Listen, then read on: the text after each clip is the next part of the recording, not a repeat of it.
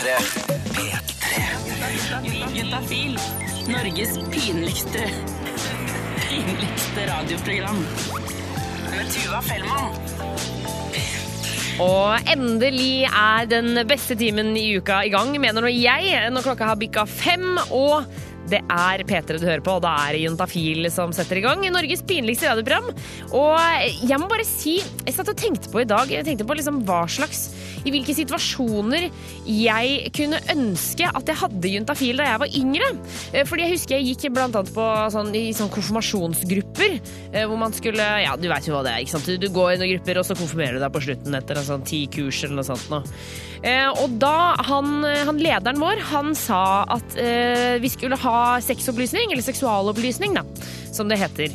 Eh, og så sa han men det er jeg så dårlig på, jeg syns det er litt flaut, så derfor så har jeg med en tegneserie til dere. Og så fikk vi den tegneserien, og der var det bilde av noen kaniner som pøka, og det var noe pikk, og det var noe pupper og noe sånne greier. Det var liksom sånn, så sånn VG-spalte, liksom. Sånn striper med sexvitser. Og så sa han sånn Og det er det. Og da tenkte jeg hvis jeg noen gang får ansvar for noe sånn opplæring av noe slag, så skal jeg fader ikke gjøre det sånn. Nå har ikke jeg noe ansvar for noe opplæring, eh, det skal jeg nok eh, være litt forsiktig med å si, fordi jeg er bare programleder i dette programmet. Men jeg skal nå passe på at jeg skal stille alle spørsmål eh, som popper opp i hodet mitt når vi skal snakke om sex, kropp og følelser. For den som driver med seksualopplysning, det er Nils Petter fra Sex og Samfunn, som straks kommer innom, og han skal svare på spørsmål som vi har fått i Tidlig Juntafil. Så hvis du er klar for å bli opplyst og litt rød i Kina samtidig, ja, da er dette programmet for deg. Hver torsdag fra fem til sju. Norges yndligste radioprogram. Gilde på P3, hvor vi nå har fått vårt faste besøk på plass. Det er Nils Petter fra Sex og Samfunn. Velkommen til Juntafil. Hallo! Hallo! Hvordan står det til? Strålende. Strålende? Ja. Føler du deg eh, klok og allvitende som vi alltid oppfatter deg? Føler meg klokere for hver dag, altså, må si det. Lærer noe nytt hele tida. Ja, det er godt å høre. Eh, Du er jo innom her for å svare på spørsmål eh, som folk har sendt inn til Utafil. I dag så tar vi for oss eh, spørsmål som har kommet inn tidligere. Eh, og blant annet en, et langt spørsmål her. Så her må Langt du bare eh, bear with me. Det står Hei, Juntafil. Jeg eh, har snart gått på p-pillen i fire år. Vurderer å slutte, men jeg er redd for å vokse i høyden dersom jeg slutter. Jeg fikk mensen eh, veldig sent og hadde ikke regelmessig mens eh, før jeg begynte på pilla. Har prøvd å slutte en gang tidligere, men da uteble mensen i flere måneder, og jeg startet igjen fordi jeg var så redd for å vokse mer i høyden. Så mitt spørsmål til dere er om p-piller har noen hormoner som hemmer veksten, eh, skråstrek utviklingen, eh, og om jeg kan vokse enda mer i høyden helt til mensen min blir normal igjen. Og så skriver hun vet at det tar litt tid før man kommer til den normale syklusen. Er bekymret eh, jente 22 eh, som allerede er 1,80 over bakken. Ja. Hva er det som skjer her nå? Ha, har p-piller noe med høyde å gjøre? Nei. Det har ikke det. Det har det ikke. Det er helt andre hormoner som påvirker det.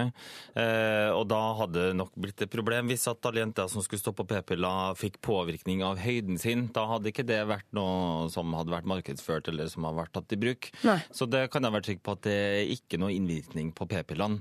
Så- Altså, og verken om hun, mensen uteblir eller mensen kommer, altså, det der har ingenting med høyden å gjøre. Nei. Altså Det er masse forskjellige hormoner i kroppen, og det der er litt sånn komplisert og, skal begynne å gå inn på å forklare nå. Ja. Men de der p-pillene, det er en helt annen greie. Så det som påvirker veksten din, det er helt andre faktorer. Okay. Og den er litt sånn forutbestemt og regulert av veksthormoner. Eh, Så det går an å finne ut faktisk sånn cirka hvor høy man kanskje blir ved å ta røntgenbilde av hånda. Nei, er det sant? Ja, faktisk. Da kan man estimere litt, for da ser man om eh, vekstplatene i beina har begynt å lukke seg eller ikke. Da kan man eh, anslagsvis si hvor høy du sannsynligvis blir, også ved å se på hvor høy foreldrene dine er. Ok, men, men til deg jente 22 nå, ikke by, slapp, slapp helt av. Ja. For jeg må bare legge til der, eh, 1,80, det er jo en helt fabelaktig høyde. Kjempeflott. Jeg synes jo, Vi jobber blant annet med Marte i Filmpolitiet. Hun er kjempehøy, og jeg Ja. syns det er så tøft. Sant? Det ser så kult ut. Så er vi jo et høyt folkeslag da her i Norge. Ja. Så den høyden der, den eh, høres helt uh, fin og normal ut for meg. Men jeg lurer også på en ting, for hun snakker litt om dette med p-piller og slutte på p-piller og få mensen tilbake. Mm. Um, hvor lenge pleier det liksom å gå før man har regelmessig mens etter å ha gått på p-piller lenge og så slutta? Eh, Det kan variere litt, men eh, hos noen så kan det ta litt lengre tid før menstruasjonen kommer tilbake. Men som en sånn generell regel, eggløsninga den kan starte eh, nesten umiddelbart etter man slutter på prevensjonsmiddel. Ja. Uansett hvilke prevensjonsmiddel du bruker, så lenge det ikke heter p-sprøyte. Da kan det ta litt lengre tid. Ok. Ja. Så det kan skje med en gang? Men hvis, si hvis jeg slutter på p-piller nå, da, og det går tre måneder uten at jeg får mensen, Mm. er, burde jeg gå til legen da? Nei. Eh, Det kan som sagt ta litt tid til, hos noen, og i hennes tilfelle, som jeg sa, hun hadde litt uregelmessige menstruasjoner før jeg begynte på p-piller, så det her kan også være en, rett og slett en normal syklus for hun også. Ja. At Kan det tar litt lengre tid. kan jeg spørre om en ting? Er det, eh, er det liksom, finnes det folk som har eh, konstant uregelmessig mens? Ja, det gjør Som det. er, det er naturlige grunner, på en måte? Ja, altså både ja og nei. Det, det er mange ting som påvirker, og ikke minst stress kan man ikke kimse av også. Eh, det stressfaktorer det kan eh, forstyrre menstruasjonssyklusen. Mm. Og så kan det være en del andre ting som man eh, kanskje bør tenke på. eh, Ok, Bør det sjekkes kanskje litt nærmere av legen at det ikke er noe sånn gærent. I hvert fall hvis man har regelmessig menstruasjon, og så står man ikke på noe prevensjon. Og hvis at eh, menstruasjonen begynner å bli veldig uregelmessig uten at man har noen sånn god forklaring på det, så kan det være verdt også å ta en uh, samtale om det til legen. Eh, Vi skal ta uh, flere spørsmål straks her på Juntafil, men før det, ja, så skal vi spille av litt musikk fra deg. Hvor vi fortsatt har besøk av Nils Petter fra Sex og Samfunn. Jeg har glemt å si hva Sex og Samfunn er! Ja, Beklager! Det er jo en gradsklinikk som ligger i Oslo. Samme. Men på torsdager så er dere med oss i hele landet. Da er jeg her. Ja, det er hyggelig. Ja. Eh, Og i dag så tar vi for oss spørsmål som har kommet inn tidligere til Juntafil. Og hvis du der ute har et spørsmål, så kan du også gå inn på sexogsamfunn.no, og der er det en chat hvor du kan stille de, og så får du svar med en gang. Det er veldig Yes. fint. Um, vi har tidligere her i Juntafil snakka om noe som vi har valgt å døpe for fake-mensen. Uh, og fake-mensen, det er da den mensen som kommer når man går på p-piller. For det har jeg forstått at den er ikke helt ekte. Altså, det er ikke, måte, det er ikke den naturlige mens menstruasjonen. Det stemmer, det. Eh, jeg ville kanskje ikke ha sagt fake, da. Som det blir sagt. Nei, det er jeg som har døpt det til det, da. Så der lærte jeg også noe nytt igjen. Ja. Eh, apropos. Men eh, det som skjer når du står på p-piller, så er det østrogen i de p-pillene. Det er ikke østrogenet som gjør at du ikke blir gravid, men det er et hormon som heter gestagen. Gestagen. Ja, og det østrogenet i vanlige p-piller, det er med å bygge opp livmorslimhinna som om man bygger opp en vanlig livmorslimhinne som støtes ut ved menstruasjon. Ja. Så det er rett og slett eh, en fake en, kan du si. Ja. Fordi det påvirkes av den eh, hormonet som er p-piller. Eh, og så kan man også velge å hoppe over det menstruasjonen hvis man vil. Ikke sant? Og Det det er et litt sånn lurt triks som kanskje ikke mange vet om. Så da kan man egentlig ha flere måneder uten blødninger hvis man ønsker det. Så vil det til slutt komme litt blødninger, og da kan man ta en pause på opptil en uke før man fortsetter på neste brett. Ikke sant. Ja. Eh, For det er en gutt på 25 her som har sendt inn SMS til oss som skriver eh, angående fake mensen, og da er det denne p-pillemensen. Eh, har jenter eh, som har denne type mensen noen grunn til å være sure, skråstrek hormonelle? For det er jo en ting eh, man sier at jenter er sure når de har mensen. Mm. Og er, altså, man er kanskje det? Jeg veit ikke. Jeg Altså, føler at jeg er sur hele tiden. Jeg. Det er ikke bare når jeg har mensen. Det kan jo være mange grunner til å være sur. Ja, kanskje det er du som er teit. Nei, altså, det er, det er en del som har faktisk plager som man kaller sånn premenstruelle plager, som kommer i forbindelse med eggløsning, altså før du får menstruasjon. Så, og det er faktisk reelt hos enkelte, Uh, mens andre kanskje ikke kjenner sånn på de svingningene på samme måte. Men når du står på, på p-piller, så hindrer du da eggløsninga, så, så den på en måte hormonbalansen er ikke den samme som de andre som blir premenstruelle, som Ja, så- ikke står på prevensjonsmiddel. Ikke sant, Så fake mensen, da kommer ikke den hormonelle greia? Nei, ikke på den samme måten, men det kan være andre grunner da, til at hun har sånne humørsvingninger. og Det kan være en bivirkning av p-pillene i seg selv. Ja, for der kan du få noen eh, svinger i humøret. Du kan det, skjønner du, og det skjer eh, som ofte sånn når man starter på et nytt merke. Eller hvis man har hatt en pause fra p-pillene sine, som vi anbefaler man absolutt ikke har, og så begynner man på nytt igjen, fordi da, du liksom, da begynner kroppen å skal bli vant til de samme p-pillene, og da kan det bli sånne bivirkninger. Ja. Ja. Jeg foreslår eh, gutt eh, 25 at når den personen du henger med eh, blir sur, så kan du ikke bare la det være sur en liten stund, da? Ja, det er litt fargerikt, ikke det? Jo, jeg syns det er fint, jeg. Ja. Um, det blir flere spørsmål eh, etter hvert her på Juntafil på P3. P3. Du hører på Juntafil, hvor vi fortsatt har besøk av Nils Petter fra Sex og Samfunn, som svarer på alle spørsmålene våre om Ja. sex, kropp og følelser. Det er ganske utrolig hvor mye dere leger veit. Altså. Det er akkurat som en sånn um, tryllekunstner som du drar et sånn skjerf ut av, som bare blir lenger og lenger og lenger. Blir litt overraska sjøl noen ganger. Ja, det gjør det. Men jeg tenker sånn, hvor mye plass er det i hodet deres? Ja, det er helt ubegrensa. Ah, så bra. Masse plass igjen. Ja, ja, ja, ja, ja. Em, vi svarer på spørsmål som har kommet inn tidligere til Juntafil. Hvis du har lyst til å stille et spørsmål du også, så anbefaler jeg deg å gå inn på sexysamfunn.no. Der er det en chat hvor du kan eh, stille dine spørsmål. Eh, Vi har fått inn en SMS her fra Jente22. Eh, Hei, Juntafil. Jeg har akkurat kommet ut. Hvordan går jeg frem? Jeg føler meg så uerfaren.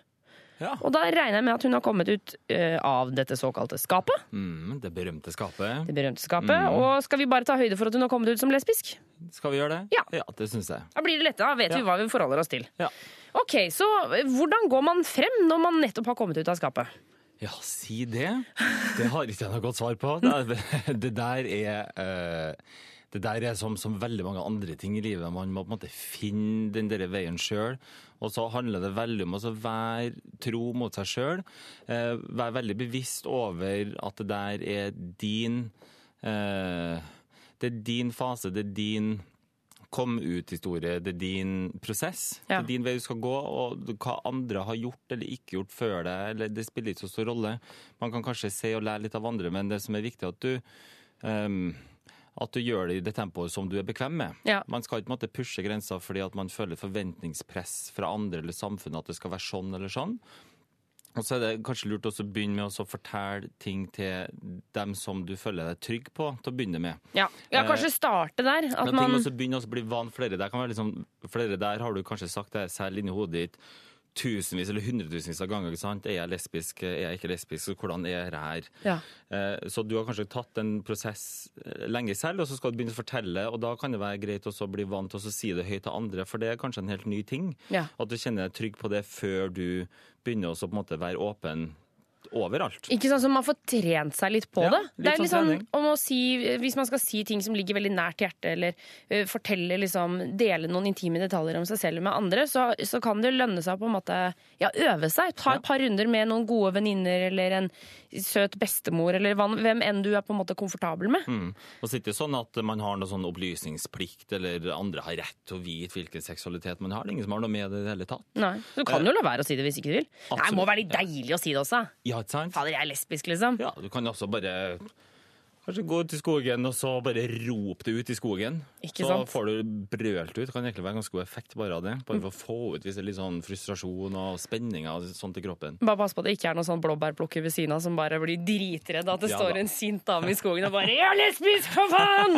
Og han bare 'Å, herregud'. Elgen bryr seg i hvert fall. Nei, nei, de tåler det. Ja, tåler Men jeg, jeg bare tenkte på én ting. For, eh, for min del så har jeg jo aldri kommet ut av noe skap, eh, fordi jeg føler meg i hvert fall heterofil enn så lenge. Mm. Men jeg tenker, noen ganger så tenker jeg Kanskje er det nesten som å på en måte oppleve den, ikke puberteten, men den derre å skulle begynne å forelske seg og begynne å ligge med folk, eller liksom hele den runden en gang til, bare på en annen måte.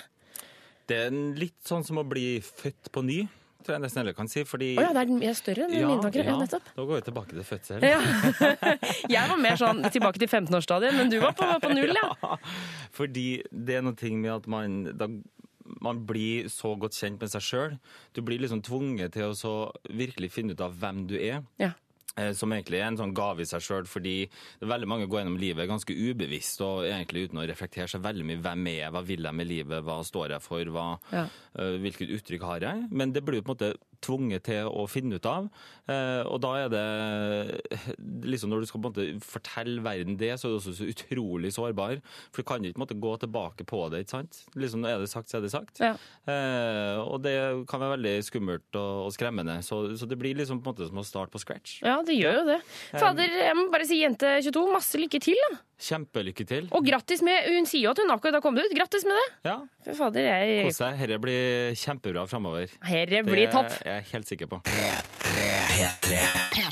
Og noe av det beste med Juntafil, mener jeg, har kommet for dagen. Vi har fått besøk av dagens panel. I dag er det Niklas og Ingrid som er på plass. Velkommen til Juntafil. Takk for det. Tusen takk. Jeg syns jo det er deilig å grave i folks eh, sexliv. Det er noe av det beste jeg vet. Mm. Eh, og dere har stilt dere frivillige til å være med på dette. Yes, merkelig nok. Merkelig nok. Um, kan vi ta en runde på alder uh, og hva dere driver med til vanlig? Og når dere hadde sex sist? Eh, Vi starter med deg. Eh, Jeg er 29. Jeg studerer eh, til å bli jernbaneingeniør til vanlig. Og jeg hadde sist sex i starten av januar. I Eh, unnskyld, unnskyld, august heter det. Ok, Starten av semesteret. Ja. Starten av semesteret, ja. Da var det ligging på deg. Yes. Men hvis det hadde vært starten av januar, hadde det vært lenge for deg, eller er det på en måte vanlig? Um, det er nok vanlig. Det er nok vanlig, ja. Mm. ja. Eh, eh, Ingrid, hva med deg? Eh, Få høre din alder og hva du driver med, og eh, når du hadde sex sist. Jepp. Jeg eh, er 24 år. Eh, driver og tar opp noen eksamener. Og eh, hadde sex eh, for et par timer siden. Nei, er det sant?! Ja da. Så du er rett og slett nypult, kan man si? Korrekt. Det er innafor å si. Hvor er, vil du gi terningkast på sexen? Mm. Eh, ja, det jeg, jeg gir full score, jeg. Det var- Seks på sexen? Ja, absolutt. Veldig Oi! ålreit. Fader, nå kjente jeg at jeg ble litt misunnelig, rett og slett. Ja, vær så god. Det Nei. Det var nok bare flaks. Det var nok Bare bare, flaks. For- Men eh, Var dette med kjæresten din, eller var det med en random? Nei, det var kjæresten. Ja, nettopp. Ryddig når du har kjæreste at det var med kjæresten, syns jeg. Ja, Jeg syns også det er positivt, hvis det, at det ikke var utroskap, og du sa det nå på radio. Det hadde vært eh, litt merkelig. Ja dårlig stil, Ja. egentlig. Eh, Jeg er veldig glad for at dere er her. Dere skal bli her en stund til. Vi skal snakke litt om hvor mange man kan ligge med. eh, Eller hvor mange man bør ligge med. Eller hvor mange, altså, hvor mange dere har ligget med. Eh, Så det blir straks her på Juntafil på P3. Juntafil. Med Tuva Fellmann. P3. Og vi har fortsatt besøk av dagens panel. I dag er det Ingrid og Niklas som eh, står her og prater om sex. Eh, Veldig hyggelig å ha dere her. Eh, Hvordan står det til? Altså, jeg er fortsatt fascinert av at du akkurat har hatt sex, Ingrid. Ja, nei, takk for meg. Ja. Um, men nå tenkte jeg vi skulle snakke litt om antall her. eh, For det er jo et spørsmål vi får inn mye på Juntafil. Folk lurer på hvor mange man kan ligge med, og hvor mange man bør ligge med. Så da tenkte jeg jeg vi kunne starte med deg, Niklas. Hvor mange har du ligget med? Seks stykker. Seks stykker. Har du noen tanker om eget tall her? Uh, jeg syns antallet er helt greit. Ja. Men kanskje antallet ganger burde vært høyere, og at jeg kanskje egentlig Jeg har bare hatt én kjæreste, og at jeg føler litt at jeg burde hatt sex med fler. På en måte, bare for å ha gjort det, for å ha opplevd det. Å ja, sånn, ja. Men det går liksom Jeg har jo ikke vært komfortabel med det, eh, så da eh, skal man jo ikke gjøre det. Nei. Men eh, jeg føler at jeg får ikke den sjansen igjen, da. Når jeg Fordi jeg begynner å bli såpass gammel at det begynner å bli på tide å kanskje finne seg noe litt mer fast. Ja, med mindre du kommer Du kan jo sette i gang noe åpent forhold av noe slag, da. eh, Sånn at dere kan ligge med forskjellige folk. Ja, Det er ikke helt meg, altså. Nei, det er ikke det. Nei, nei det, er ikke, det blir ikke helt meg. Ok, jeg skjønner. Vi skal ikke presse deg til noen ting Det, her. tusen takk, det setter jeg pris på. Eh, Ingrid, hvor mange har du ligget med? Jeg har ligget med 46, 46! talte jeg. Det er altså 40 mer enn Niklas. Jaggu. Det er det. Hva tenker du om eget tallet? Jeg syns det er et eh, fint tall. Jeg har eh, jublet hver gang det nådde et nytt eh, tier. eh, Det var liksom en hyggelig event. Har du sånn litt lita fest? Nå har vi runda 30. Nei, en liten melding til, eh, til ei venninne, da. Som eh, vi har holdt liksom tellingen samtidig, eller hatt liksom Beveget oss likt oppover. Ja. Så da, eh, ja, da har det vært en eh, slags liten celebrasjon, kan man si. Men det høres rart ut. ja, men herregud, man skal jo eh, Her i Juntafil så sier vi jo at hvis du har lyst, så er det bare innafor, så lenge man bruker prevensjon og alle disse tingene her. Altså, fornøyd, absolutt. Men eh, det er jo ikke alle man hadde trengt å ligge med, på en måte. At det kunne jo Man kunne jo holdt seg til litt klining på fest eller noe sånt noe, og så hadde det vært nok, da. Ja, sånn, ja. Men eh, nei, jeg syns tallet er eh, akkurat eh, passe for meg nå. Men eh, jeg lurer på en ting. Eh, Hva tenker dere om når dere skal få dere en eh, såkalt partner? Mm. hva, liksom, hva, hva tenker dere om deres tall da? Så skal det, er dere opptatt av det? Nei, jeg tenker ikke på det i det hele tatt. jeg. Gjør du ikke det, nei? Nei, det spiller meg Det er meg revnende likegyldig. Men det jeg kan tenke litt på, er Eh, Og i hvert fall når man skal ha seg eh, noen fast, noen som man skal bli glad i, og så videre. Eh, litt hvem? At ikke de har ligget liksom med alle kompisene mine og sånn, Ja. setter jeg litt pris på. Fordi på et eller annet tidspunkt der så blir det liksom Skal du stå i bryllupet, og så står alle liksom gutta dine ved siden av og bare tenker sånn Ja, sånn ligger hun. Ja. Sånn har hun sex. Jeg vet hvordan hun er naken. Ja, hun er ikke så god til å suge, men nå gifter du deg med henne. Deg om det. Ok, så, så helst ikke venn Altså, det er viktig hvem de har ligget med, men antallet gjør deg ingenting. Nei, det spiller ingen rolle. Hva tenker du, Ingrid? Nei, jeg er jo kanskje litt Altså, nysgjerrig må man jo være på hva den andre har vært borti. Men, eh, men om det er et eh, eh, Ja, hva det tallet er, er jo eh, samme for meg. Og det er det! Ja, ja. Men altså, her må jeg bare Her må jeg nesten si meg litt uenig. Jeg tenker jo sånn, Blir dere ikke litt sjalue hvis, dere, hvis kjæresten deres har ligget med liksom 150 stykker? Ja, det, det er jo mange, men egentlig så tenker jeg mer det at jeg syns det er så viktig at eh, den jeg skal ligge med, er komfortabel med å ha sex. Gjerne veldig komfortabel med det, hvis jeg er litt ukomfortabel. Eh, sånn at det liksom blir Ja, altså, jeg tok jo opp dette her eh, sist gang Ikke sist gang jeg hadde sex, men da jeg begynte å ha sex med den personen. om at det var lenge siden jeg hadde hatt sex, for da var det halvannet år siden sist. Og snakket om det, liksom, at jeg var litt sånn mm, litt ukomfortabel, det er litt lenge siden, jeg vet ikke hvordan dette skal gå. Uh, men det gikk kjempefint. Altså, du sa det på forhånd, ja. Ja, jeg, jeg gjorde det, og så var jeg veldig usikker på om jeg skulle gjøre det. Men jeg vil absolutt anbefale det til alle. Si det. Det er, ikke, det er litt flaut, men det blir veldig fint. Og så blir det en veldig fin stund etterpå. Og så kanskje man får litt ekstra hjelp hvis man trenger det. Litt ekstra skryt. Du er som fasiten på Juntafil. Jeg elsker det. Eh, Vi skal snakke mer med dere, Ine og Niklas, eh, for vi skal ta for oss dette store, klassiske spørsmålet om det er forskjell på jenter og gutter. Og jeg tenkte også vi skal snakke litt om eh, det å kline med mange. Ikke ligge, men kline med skikkelig mange. Det blir straks her på P3. Og vi har fortsatt besøk av panelet her i Juntafil på P3. Det er Ingrid og Niklas eh, som står her, eh, på henholdsvis eh, 29 og 24 år. Sjøl har jeg 28, så vi lager en eh, fin liten eh, tripp-trapp-tresko her. Eh, Vi snakker også om eh, hvor mange det er greit å ligge med, eh, for det er eh, noe folk er opptatt av. Jeg lurer på, har dere, Hvorfor tror dere vi er så opptatt av det? Altså, det er jo For noen gutter så er jo det en sånn statusgreie, at du skal ha hatt sex med veldig mange. Men ja, jeg veit ikke. Jeg vet ikke hvorfor man er så opptatt av det. For er det fortsatt forskjell på gutter og jenter? Det, altså, da jeg gikk på ungdomsskolen, så var du eh, Eller på videregående, da. Da var du hore hvis du hadde ligget med mange, og gutta var kule hvis du hadde ligget med mange. Er det fortsatt sånn nå, Ingrid? Ja, kanskje litt. Jeg snakket faktisk med en eh, fyr i går om det her. Eh, eller jeg, jeg sa jeg skulle snakke om sex på radio, og så, em, så sa han at uh, han har ligget med flere enn kjæresten sin, og at det var han glad for, da. Det syns han var fint. Ja. Uh, og kanskje litt egoistisk, uten at jeg helt vet hvorfor det var egoistisk, men uh, Ja, For da Ja. har han på en måte Han er liksom på toppen der. ja. Men herregud, han kan jo ha hatt sex mange ganger og vært dritdårlig. Og så har hun hatt sex færre ganger og vært veldig dyktig. Mm. Ja. Og altså, det er jo mer hvilken type erfaring man har. Dette ble veldig rart.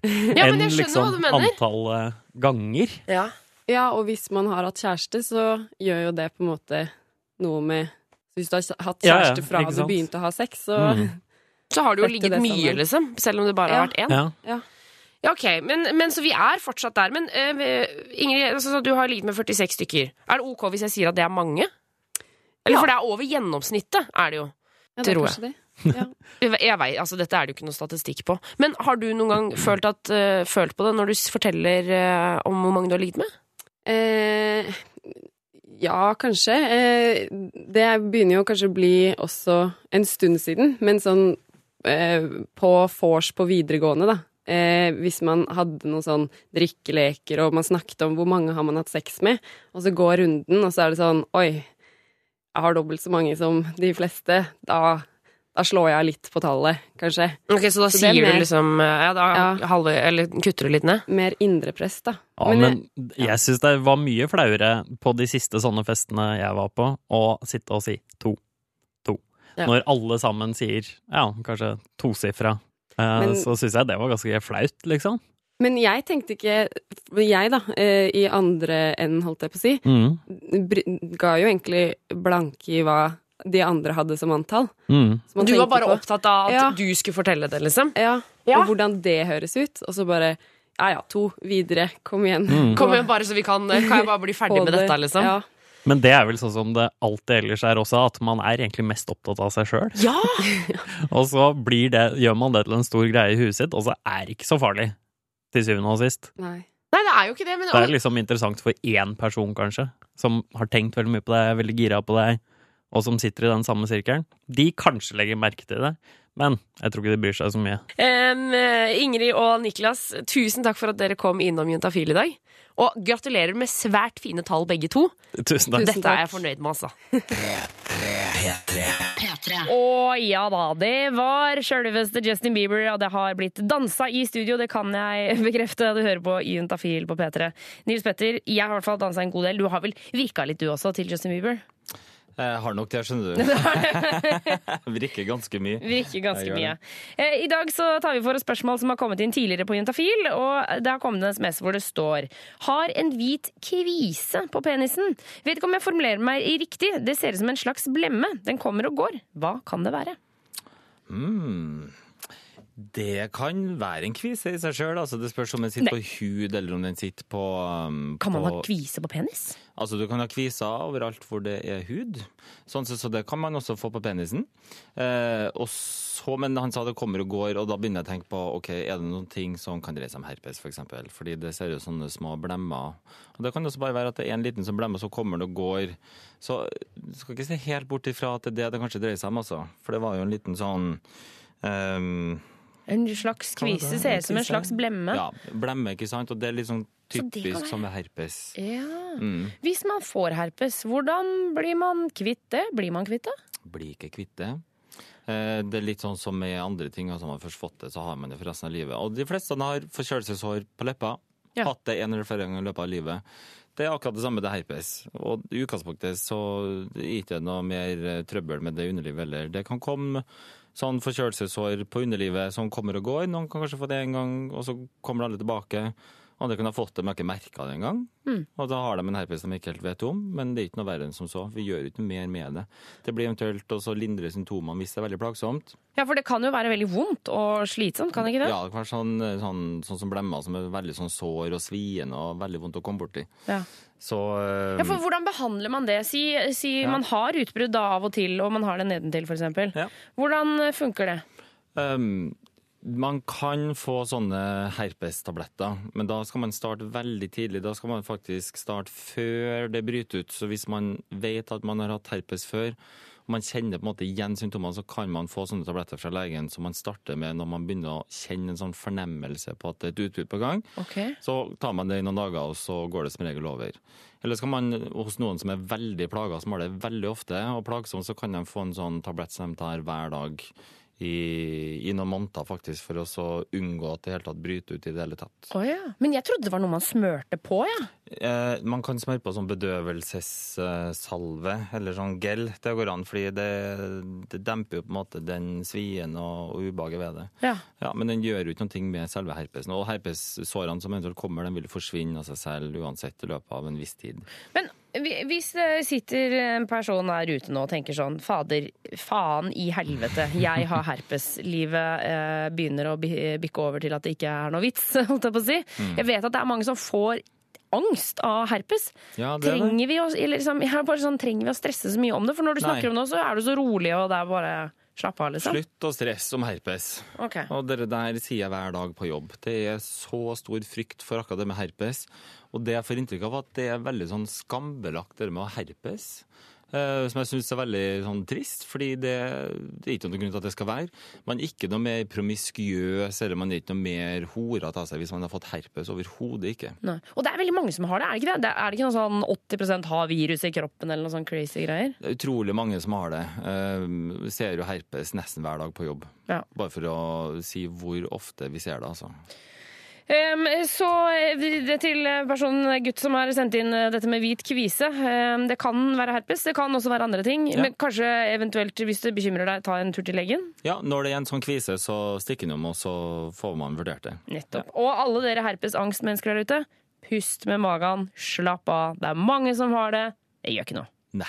Juntafil. Med Tuva Fellmann. Og P3. programmet du hører på, det er selvfølgelig Juntafil, Norges pinligste radioprogram.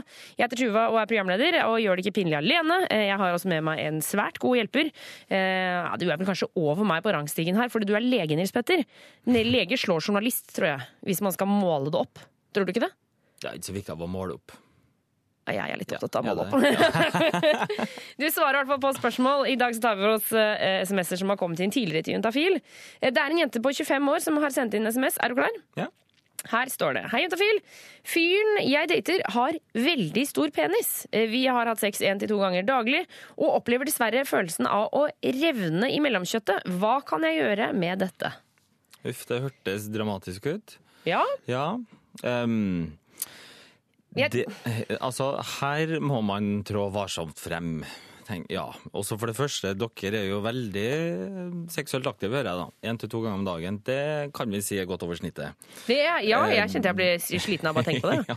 Men, men, og det er gu- gull, det. Altså en til to ganger. Men jeg tenker sånn, det er jo eh, mye aktivitet nede i et eh, skjørt lite underliv. Ja, så det får nok ikke så mye tid til å hvile imellom.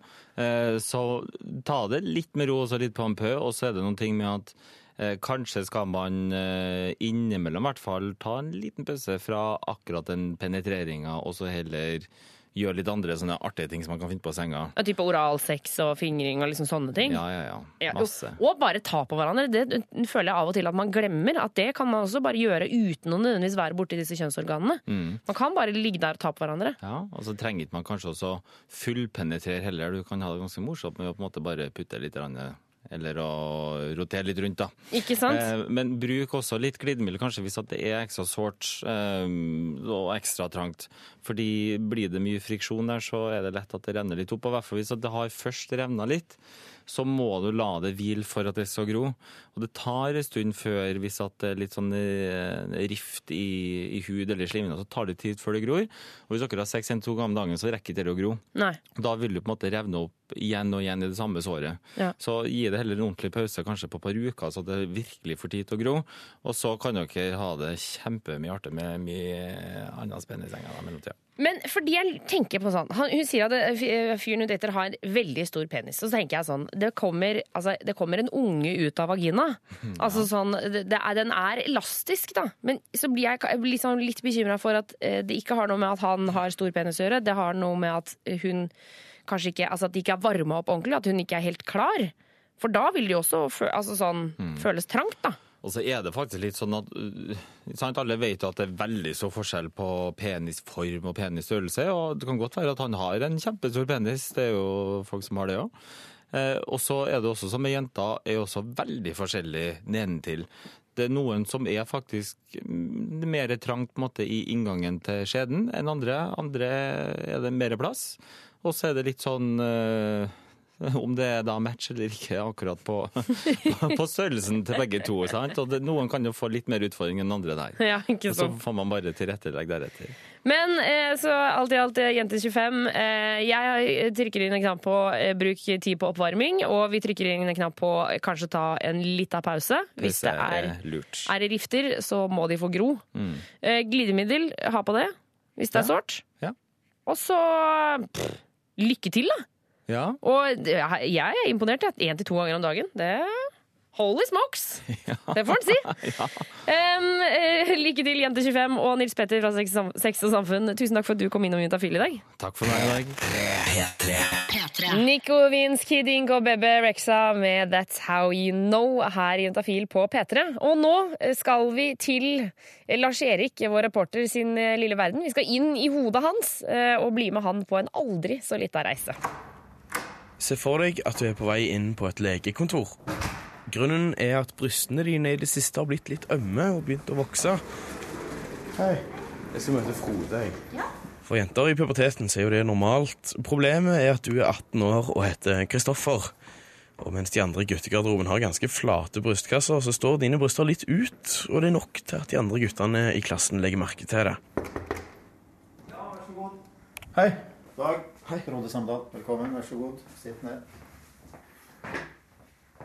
Frode er plastisk kirurg, og til han kommer de som virkelig sliter med store pupper på et ellers hårete og fint mannebryst. Har du tatt bort den, eh, den kjertelvevet, så ser du at han har jo fortsatt På pulten hans ligger doktorgraden han leverte i 1994, og Frode viser fram bilder av mannlige B-cups som han har snippa ned til flat kasse. Her har du også litt det typiske eh, gynekomastien, altså litt kvinnelig brystet. Du ser den litt spisse eh, formen. Og De aller fleste menn har jo på et eller annet tidspunkt stått foran speilet i bare overkropp og studert seg sjøl, og det er lett å føle at puppene kanskje er litt større enn de burde være. Er kanskje den høyre litt større enn den venstre? Eller er det bare vinkelen? Og når jeg satt på kontoret til Frode og intervjuet han, så klarte ikke jeg la være å tenke at jeg òg muligens kan ha litt grann av disse kvinnebrystene, eller ladyboobsa, eller som Frode ville kalt det. Gynekomasti. Og syns du det siste ordet der hørtes litt gresk ut, så er det bare fordi det er det. Eh, Mastos betyr bryst, og gynekos betyr kvinnelig. Altså kvinnelige bryster hos menn. Gynekomasti eller ladyboobs betyr at du har litt ekstra melkekjertelvev i puppene, og det har 30-40% av alle menn. Men i tillegg så fins pseudogynekomasti, eller manboobs, som bare betyr at du har noen ekstra kilo på kroppen eller veldig godt trente brystmuskler. Ja, altså hos de aller, aller fleste så består eh, brystkjertelen både hos menn og kvinner av en blanding av fettvev og kjertelvev. Og når det gjelder ladyboobser, da, eller gynekomastien, så oppstår de på forskjellige stadier i livet. Det er faktisk Hos spedbarn er det ikke uvanlig at de får litt brystdanse, altså små guttebarn, pga. østrogenet fra, fra mor. Eh, senere i puberteten så forekommer det også svært ofte så mye som 60-70 av, av, guttene når de begynner å få hormonproduksjon. Men hos nesten alle de da, så går det tilbake i løpet av to til tre år. Eh, og så eh, forekommer det i normalpopulasjonen ca. 30-40% av menn, og det øker litt med økende alder. Er det farlig? Nei, i sjeldne tilfeller kan gynekomasti være et symptom på underliggende annen sykdom, men hos de aller, aller fleste så er det en helt ufarlig tilstand uten noen eh, spesiell årsak. Og selv om de ikke tar livet av meg, så blir jeg litt nervøs på om jeg òg egentlig har litt damebryst. Og dess mer Frode forteller, dess mer kjenner jeg at eh, de vokser på brystkassen min. Er det bare ribbefett, eller har jeg melkekjertler? Jeg føler at han skotter ned på brystkassen min og fjerndiagnostiserer meg fra andre sida av bordet. Og derfor er det like greit å bare få det ut av veien. Kan du sjekke meg om jeg har uh, sånne gynekomasti? Ja da, om du ønsker det, så kan Jeg, vil, jeg, vil, jeg må vite det. Jeg, når du snakket om disse her eh, symptomene i dag, så ble jeg så veldig nervøs. Skal jeg ta meg på overkroppen? eller? Ta deg på overkroppen, du, så Ok. får vi se. Juntafil. Med Tuva Fellmann. P3. Slutface med Shave My Head her i Juntafil på P3. Og vi er inne på et legekontor. Der står vår reporter Lars-Erik. Han har funnet ut at det- det er rett og slett ikke så få gutter som har såkalte damepupper. Altså at de utvikler eh, pupper på samme måte som damer gjør. Lars-Erik han lurte jo på om han hadde det. Skal vi om du slapper helt av og står rett opp, og så ser du rett fram. Frode har dratt for gardinene og står i sin grønne legetunika og klemmer meg på puppen. Det er litt kaldt, veldig snålt og ganske skummelt. Det føles jo litt som det er manndommen min som står på spill. Syns du, når du ser på disse brystene, hva tenker du da? Tidligere prata Frode om årsaker til at ladyboobs eller gynekomasti kan oppstå, og jeg spoler tilbake samtalen i hodet for å se om noen av de gjelder meg. Ja, eh, i over 90% av tilfellene så er det ingen grunn, altså ingen kjent grunn. Eh, Men hos en liten gruppe kan det være forårsaket av f.eks. av eh, misbruk av alkohol, for stort alkoholforbruk. Man ser det også relativt hyppig hos de som eh, bruker hasj og marihuana. Dette er grunnen til at en kanskje bør la være å stirre rett på brystkassen til sine gamle rockehelter og studere den så altfor nøye. De har levd livet sitt til det fulle og vært borti store mengder av både hasj og alkohol, og derfor har en del av de utvikla pupper på sine gamle dager.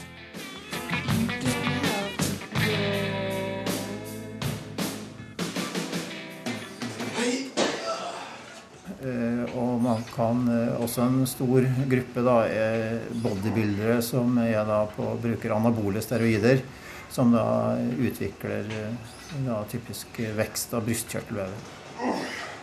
For med det mannlige hormonet noen kroppsbyggere stapper i seg for å bli så manly og muskuløse som de klarer, kommer òg en motreaksjon i form av at mange av de får skikkelig fine pupper.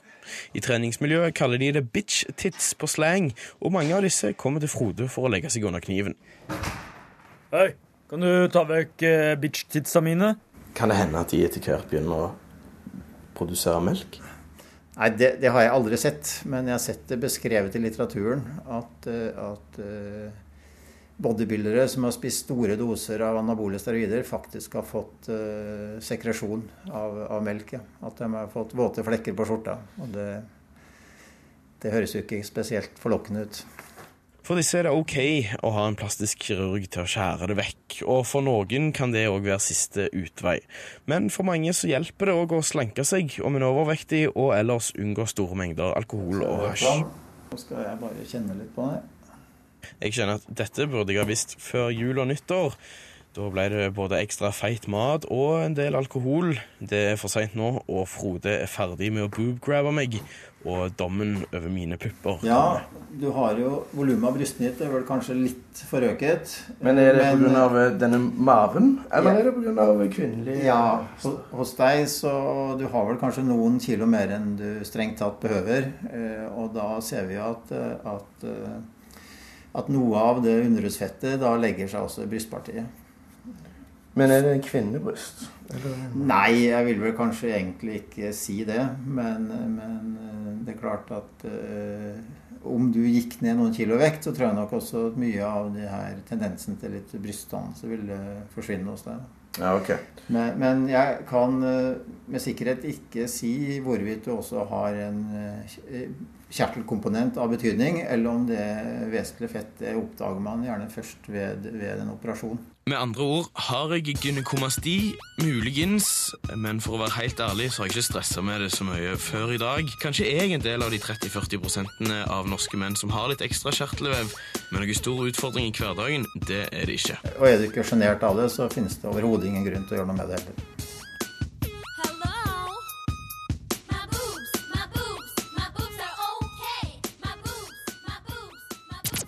Hør flere podkaster på nrk.no podkast. 3, 3.